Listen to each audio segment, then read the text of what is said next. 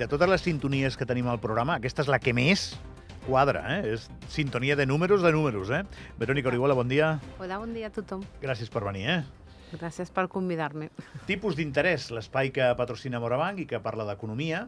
Avui volem fer primer el punt a l'actualitat i després entrar en un tema al que vols dedicar atenció i fer una miqueta més d'anàlisi en, en profunditat. Comencem per l'actualitat. Com estan les coses a dia d'avui? Pues lo que portem d'any, podem dir, portem un mes i mig, està sent bastant positiu a, a les borses tant europees com, com americanes, la veritat. L'últim mes ha sigut més positiu als Estats Units, després de tota la publicació de, de empresarial que hem tingut i de resultats que han sigut ben acollits eh, tant a Europa com als Estats Units, però als Estats Units, que s'havia quedat una mica més ressegat el gene ha repuntat força en aquest mes i portem en un mes i mig, diem, l'Eurostox portaria quasi un 5%, que és una rendibilitat que molts inversors li agradaria tenir durant tot l'any, per tant és bastant interessant. I als Estats Units hi ha algun índex, per exemple l'índex tecnològic, el Nasdaq, uh -huh. que s'ha vist beneficiat per mm, fortes, eh, fortes mm, companyies que han tingut bastant de pes. Tornem a parlar de Nvidia i altres companyies tecnològiques que l'han impulsat i estaríem quasi en un 6%, bastant, bastant positiu en aquest sentit, pel que fa a les borses. Si em preguntes de la renda fixa... Et pregunto per la renda fixa. Vinga, pregunta'm per la renda fixa. Gràcies per aquesta pregunta. la renda fixa no ha estat tan positiu com, com s'ha produït a les borses. Eh, si parlàvem l'any passat que la renda fixa teníem el bo americà al 5%, eh, el, bon, el teníem entorn al 3%. Al final d'any eh, vam tenir una correcció d'aquestes rendibilitats i van baixar amb força. Vam, teníem el, eh, disculpeu, el tresoria a 10 anys americà, que seria el bo de referència que es mira com si fos l'actiu sense, sense risc. Mm -hmm. Llavors, aquest actiu sense risc havia baixat molt la seva rendibilitat fins a un, eh, menys d'un 4%. En aquest últim mes i mig que portem, aquestes rendibilitats dels bons s'han apujat. Vale? Eh, llavors, què vol dir que s'apugin aquestes rendibilitats? D'una banda, que mm, el mercat ja no descompta aquestes mm, promeses de baixades de tipus dels bancs centrals tan aviat com s'esperava, i de l'altra és que eh, també hi ha hagut més incerteses amb tot la zona d'Orient Mitjà i tot això, i ha provocat que els bons sense risc, que et deien de l'americà com l'alemany, repuntin, tinguin més interès i llavors s'han apujat el, els tipus. Quan tu dius sentit. sense risc, és sense risc, eh? Mai, mai hi ha sense risc en aquesta vida, tot té risc. Dient, no hi ha risc, zero.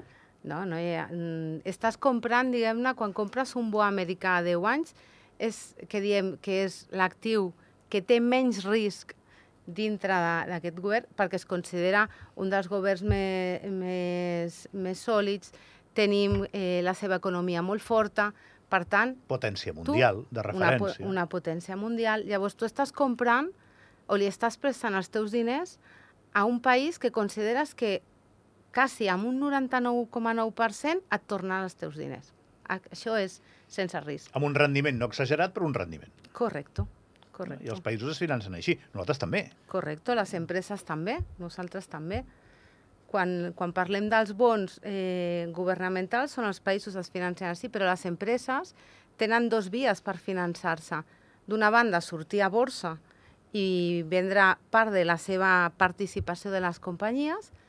D'altra banda, és la part de finançament a través de eh, emissió de bonos i una tercera de demanar als, a les entitats financeres que els hi prestin diners o els hi facin pòlisses de crèdit per poder eh, rendir el, el seu dia a dia, uh -huh. tenir liquidez en aquest sentit.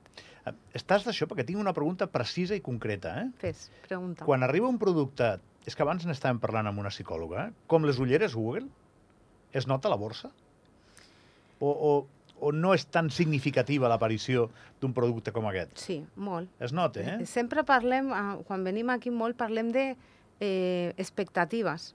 Bueno, economia o vida real i també l'economia que Correcto. no és que sigui virtual, però que descansa en els mercats. Correcte. No? Llavors, quan es treu uh, un nou producte, els analistes valoren quin impacte tindrà en, en aquella empresa, tant en quant a ingressos, evidentment, també en costos. I fan un estudi de mercat de què representarà eh, o quina entrada de, de clients poden tenir aquest, aquestes ulleres. Per tant, això té un efecte directe sobretot en les borses. Les Sempre borses, te la jugues una mica, no? Perquè no, no saps exactament quin recorregut tindrà el producte. Evidentment, sempre te la jugues. A la vida... recordes del vídeo beta, Oh, sí, sí, sí. que ho havia de això, rebentar això tot? vol dir que soc molt vella, eh? Bueno, si recordo el beta. Me l'he jugat, me l'he jugat, Verònica. Ja he, Una- ja he vist que mica. igual ho podies Sí, conèixer, no? veritat. Quan va entrar el beta, van dir, això s'acabarà el BHC. I va ser la mentida més gran de l'univers. Correcte, correcte. El que es va acabar va ser el beta, i molt ràpid. Correcte. Ara, sí que és cert que abans potser es treien productes i no es feien tant estudis de mercat de quina acceptació podia tenir aquests productes. Ara jo crec que, que es treuen, però és un risc. Quan treus un producte nou, pot ser molt ben acceptat o no ho sé. Per això aquests analistes estimen què pot ser. Realment, amb les futures presentacions de resultats, veurem si realment es compleixen aquestes expectatives o no. Era una pregunta concreta, eh, que, que tenia No, al no, cap. ben dic, fet, ben fet. Dic, no, li, li preguntaré a la Verònica, perquè no sé exactament si...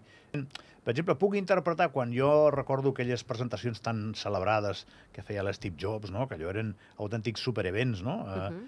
Ja entenc que va en, en la recerca d'això, no? Eh, tu presentes el producte, busques l'impacte comercial directe i també el finançament, no? O sigui, que la gent eh, es tiri a comprar accions i... Correcte. Sí, sí, que, que li vegin realment el potencial que pot tenir aquest producte i, per tant, compri accions o confiï, confia en la companyia.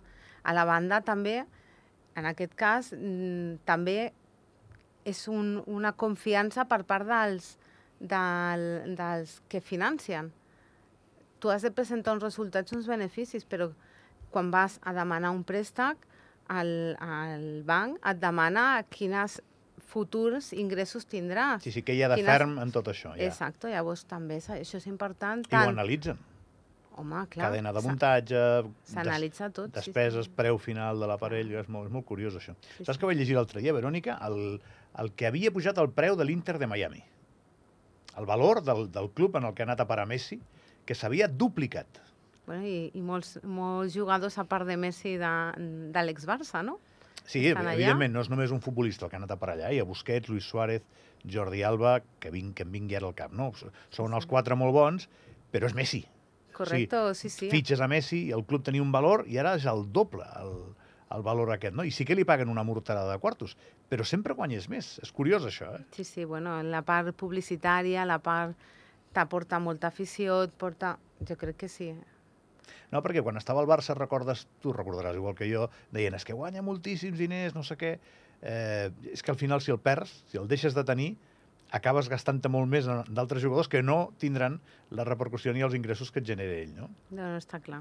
És una El món i els salaris dels futbolistes és una cosa eh, exagerat, jo crec, però és cert que mouen molts diners i llavors per això els hi paguen, perquè realment, eh, encara que l'equip pagui un, un import molt elevat, al final el, el, el retorn que rep és, és molt elevat. Molt bé. T'he interromput per variar. No passa Verònica. res. Què, què més tenies aquí per no explicar-me? Jo us volia, volia comentar una mica que parlem durant l'any passat, hem parlat del, de que dels bancs centrals si baixaran, pujaran tipus. Eh, ja, ja et deia també que hi ha hagut un canvi de tendència amb el que veiem de, la- de la renda fixa. I et volia explicar una mica què és el que ha motivat aquest canvi de tendència i quin impacte pot tenir per un oient que tingui posicions eh, en bons, corporatius o governamentals o inclús un fons d'inversió de renda fixa. Què, què li pot impactar? Mhm. Llavors, primer et diré una mica què és el que ha canviat aquest sentiment, perquè a final d'any et parlàvem, la- hi haurà previsió de, de que baixin els tipus, els mercats estan valorant que aquests mm, tipus governamentals baixin molt aviat.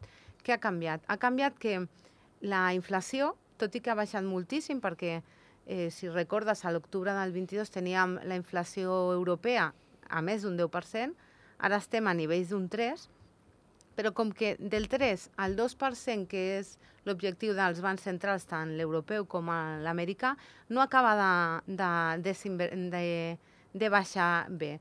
Llavors, hem tingut publicacions d'aquestes dades. També veiem que el mercat eh, laboral americà bueno, i l'europeu també, però en gran força l'americà segueix molt fort. Uh -huh. Això què implica? Que un mercat eh, laboral molt fort eh, implica que per contractar una no, a un nou empleat has de pagar més. Per tant, això que implica un augment de la inflació. És Clar. com allò que, que va un darrere l'altre.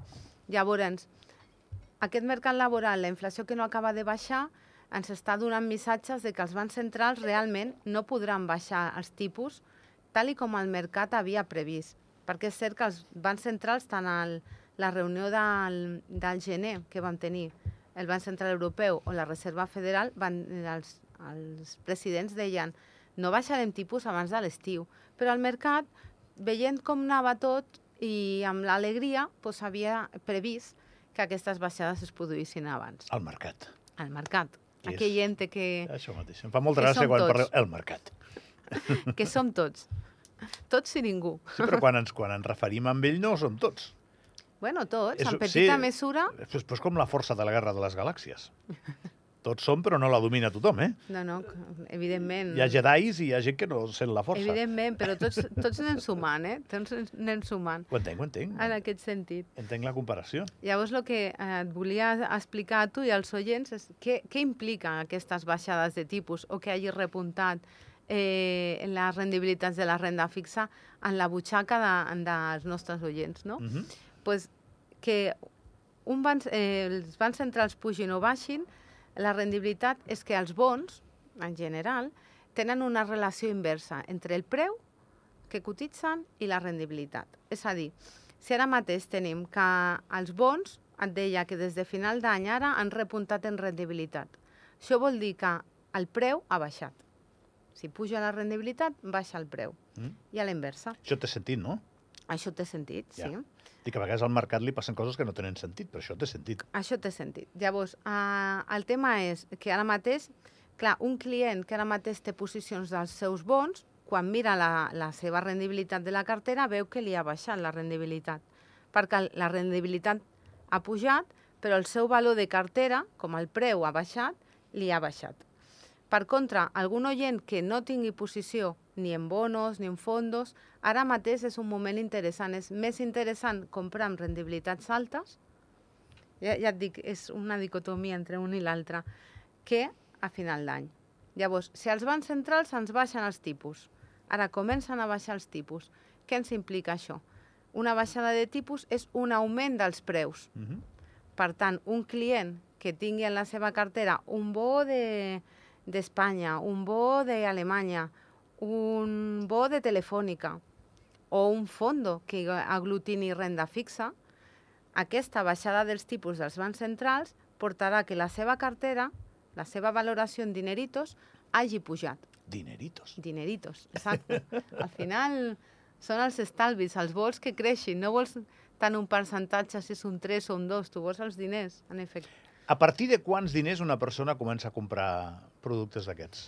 A partir de quants estalvis? De 10.000, de 12.000, de 6.000? Doncs pues mira, hi ha per, per tothom, en aquest sentit. Però més o menys... Més o menys, tu pots comprar en el que serien bons eh, governamentals, des de 1.000 euros pots comprar un bono. I què en trec? I què treus? Treus una rendibilitat.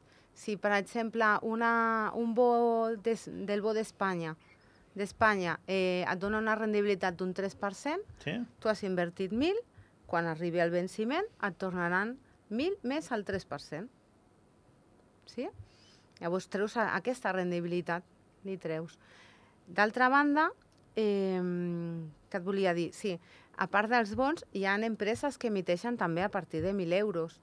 I l'altra opció per invertir, que jo considero bastant interessant, és invertir en un fons d'inversió, que al final has de comprar una participació, que pot estar des de 100 a 105 o a 1.000, depenent al, al preu del, bon, de, del fondo, i llavors no t'ho no has de jugar, és una manera de diversificar, que molts cops ho parlem. Però ja te la jugues més, perquè has d'analitzar bé el fons el que vas a parar, no? Jo crec que, evidentment, has sempre s'ha d'analitzar i el client ha d'estar amb, amb conformitat del risc que està assumint. Però quan tu assumeixes que li donaràs els- o li prestaràs els teus estalvis a Telefònica, tu jugues a Telefònica de si la companyia va bé i, i tot. Mhm. En canvi, si ho compres en un fondo que pot ser dintre d'aquest fondo, perquè no només té, té la, els teus diners que inverteixes, té de molta més gent. Per tant, ha pogut comprar molts més bonos. Potser tens 150 bonos dintre d'aquest fondo. Estàs reduint el teu risc, perquè no estàs Ja. anant a un únic nom. Ho estàs fent a través d'un fons, a més, ho estàs delegant a, a, en teoria, un equip que està Professional professional que està acostumat a, a tractar i analitzar això. Per tant, com et dic, vols invertir mig milió d'euros? Perfecte, t'ho presentarem d'una manera. Vols invertir mil euros perquè consideres que és, és lo, lo que tu tens? Doncs pues és, està perfecte, ha per tots. Molt bé. Per això ho dic, eh? Jo crec que hi ha més possibilitats que ens escolti gent que pot invertir mil que no mig milió. Per tant, pensant en ells, eh, millor explicar-ho així, no? Sí, sí, Igual aquests, si són clients de Morabanc, et vindran a veure pel tema dels dineritos. Evidentment, t'ha agradat els dineritos. A tothom ens agraden els dineritos. Uh, I pagar el lloguer i ser feliços. I, i sense fer mal a ningú, doncs, si tens una miqueta més de dineritos, ets més feliç. Correcte. Verònica, no et molesto més. Et deixo tornar a a les teves feines a diàries. guanyar dineritos. A guanyar dineritos per la teva família i a fer-los I guanyar. pels clients. I a fer-los guanyar, que tu també et dediques a això. Correcte. Gràcies per venir, eh? De res, gràcies. Uh, tenim sèries i cinema avui. Ració doble. A l'avui serà un bon dia. Vinga.